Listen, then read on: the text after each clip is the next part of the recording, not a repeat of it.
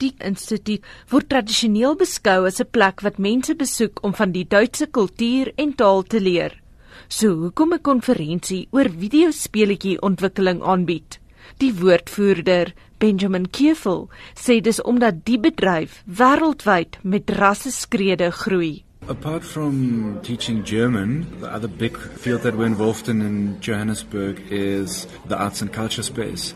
And we've just seen that the whole culture of gaming and of making games is a part of our culture as well, especially now that there is a whole lot of generations who basically grew up with gaming and it's increasingly getting part of popular culture. And we think that the video game space is an interesting space for people to connect between cultures, to get to know other cultures, but also to learn and to facilitate a cross border exchange, which is basically what we're doing here by inviting video game developers from all over the continent and beyond to Johannesburg to play each other's games and talk about their work.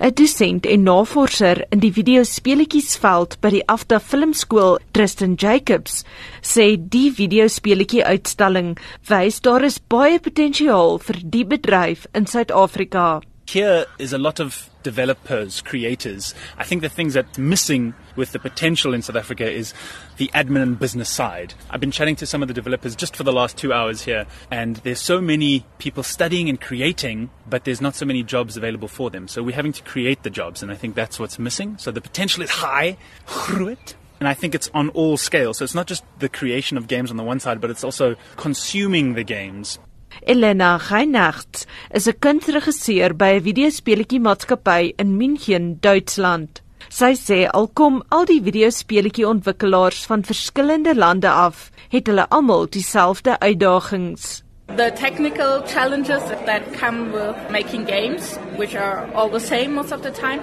but also money is the biggest issue. We in Germany have more luck than people from Indonesia, for example. We have a lot more funding, but in the end, for everybody, it's hard to live off of games, and we can all relate to that. Is Suid-Afrikaanse ontwikkelaar Walter Ellis stem saam Al die metodes, al die goeders wat jy nodig het om speletjies te kan ontwikkel, het nou al hoe makliker bekombaar geword. So almal doen dit basies wanneer is iets wat 'n mens geniet om te doen, maar omdat daar so baie daarvan is, is dit moeilik om uit te staan. Ek dink dit is definitief een van die grootste uitdagings daarmee en dat hulle jou kan geld gee. ja. 'n Videospeletjie ontwerper uit Ethiopië Nahum Teklu sê sy maatskappy fokus spesifiek op speletjies wat stede bemark deur 'n opwindende speletjie te skep wat byvoorbeeld in Addis Ababa afspeel, hoop hulle om meer toeriste soontoe te lok. We Ethiopians living in Addis Ababa want to design games even in primitive ways. We try to develop such kind of games in a very best manner.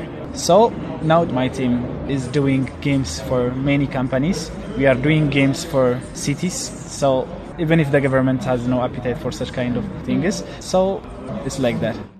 Jacobs sê in Groot-Brittanje gee die regering subsidies vir soortgelyke videospeletjies wat die lande uitbeeld.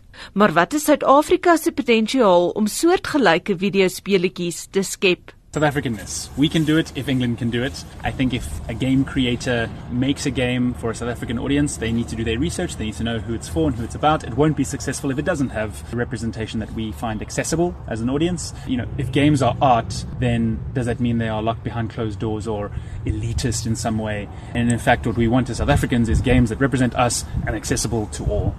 Die videospeletjiemakers is vir die hele week in Johannesburg bymekaar en Woensdag kan lede van die publiek hulle besoek om die speletjies te speel. Ek is Anne Marie Jansen van Vieren vir SAK nuus.